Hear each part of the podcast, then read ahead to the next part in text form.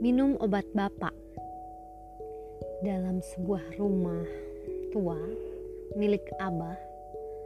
Aku menemukan eh, satu buah papan yang bertuliskan pagi sebelum makan ada enam obat. Pagi saja. Sesudah makan sehari dua kali ada tiga obat.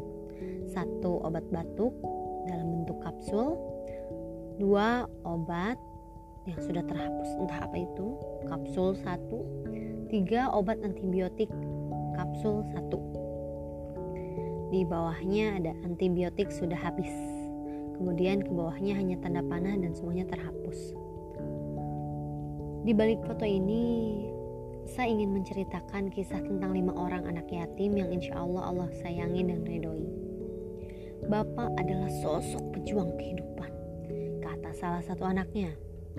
Ini adalah kisah lima anak yatim yang sudah berkeluarga. Anak pertama pekerja keras dengan jadwal kerja yang padat. Anak kedua, ibu rumah tangga yang sangat taat dalam beribadah. Anak ketiga, aktif dalam organisasi kenegaraan. Anak keempat, sekretaris sebuah perusahaan swasta besar. Anak kelima, pekerja pabrik dengan jadwal kerja silih berganti antara pagi, siang, atau malam. Dalam kegiatan mereka yang padat dan berat, kelima anak tersebut masih selalu menyempatkan diri untuk bergantian mendampingi bapaknya di usia senjanya. Meski sibuk, tidak terbesit sedikit pun dalam pikirannya tentang menitipkan bapak di panti atau menelantar, menelantarkannya di rumah berdua dengan sang ibu.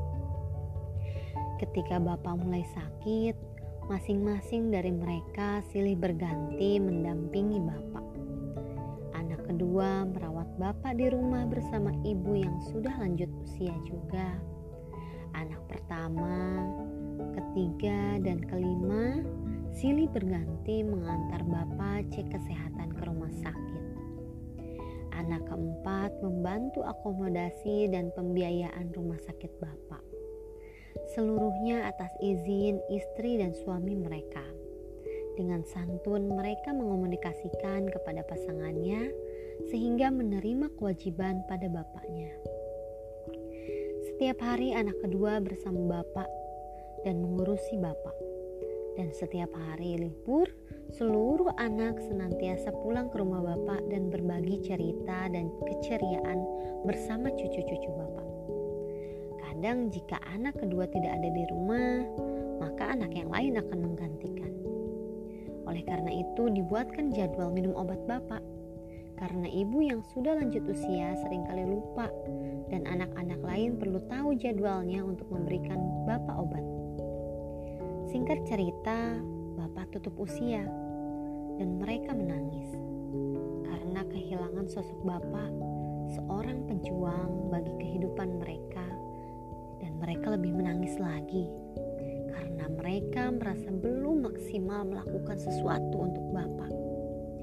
Sungguh hebat bapak mendidik anak-anaknya yang soleh-soleha bukan dalam teorinya saja.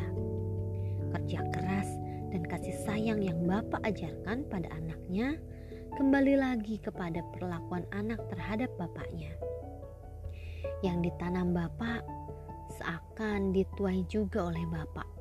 Semoga jadi inspirasi untuk kita semua. Saya sedih mendengarnya.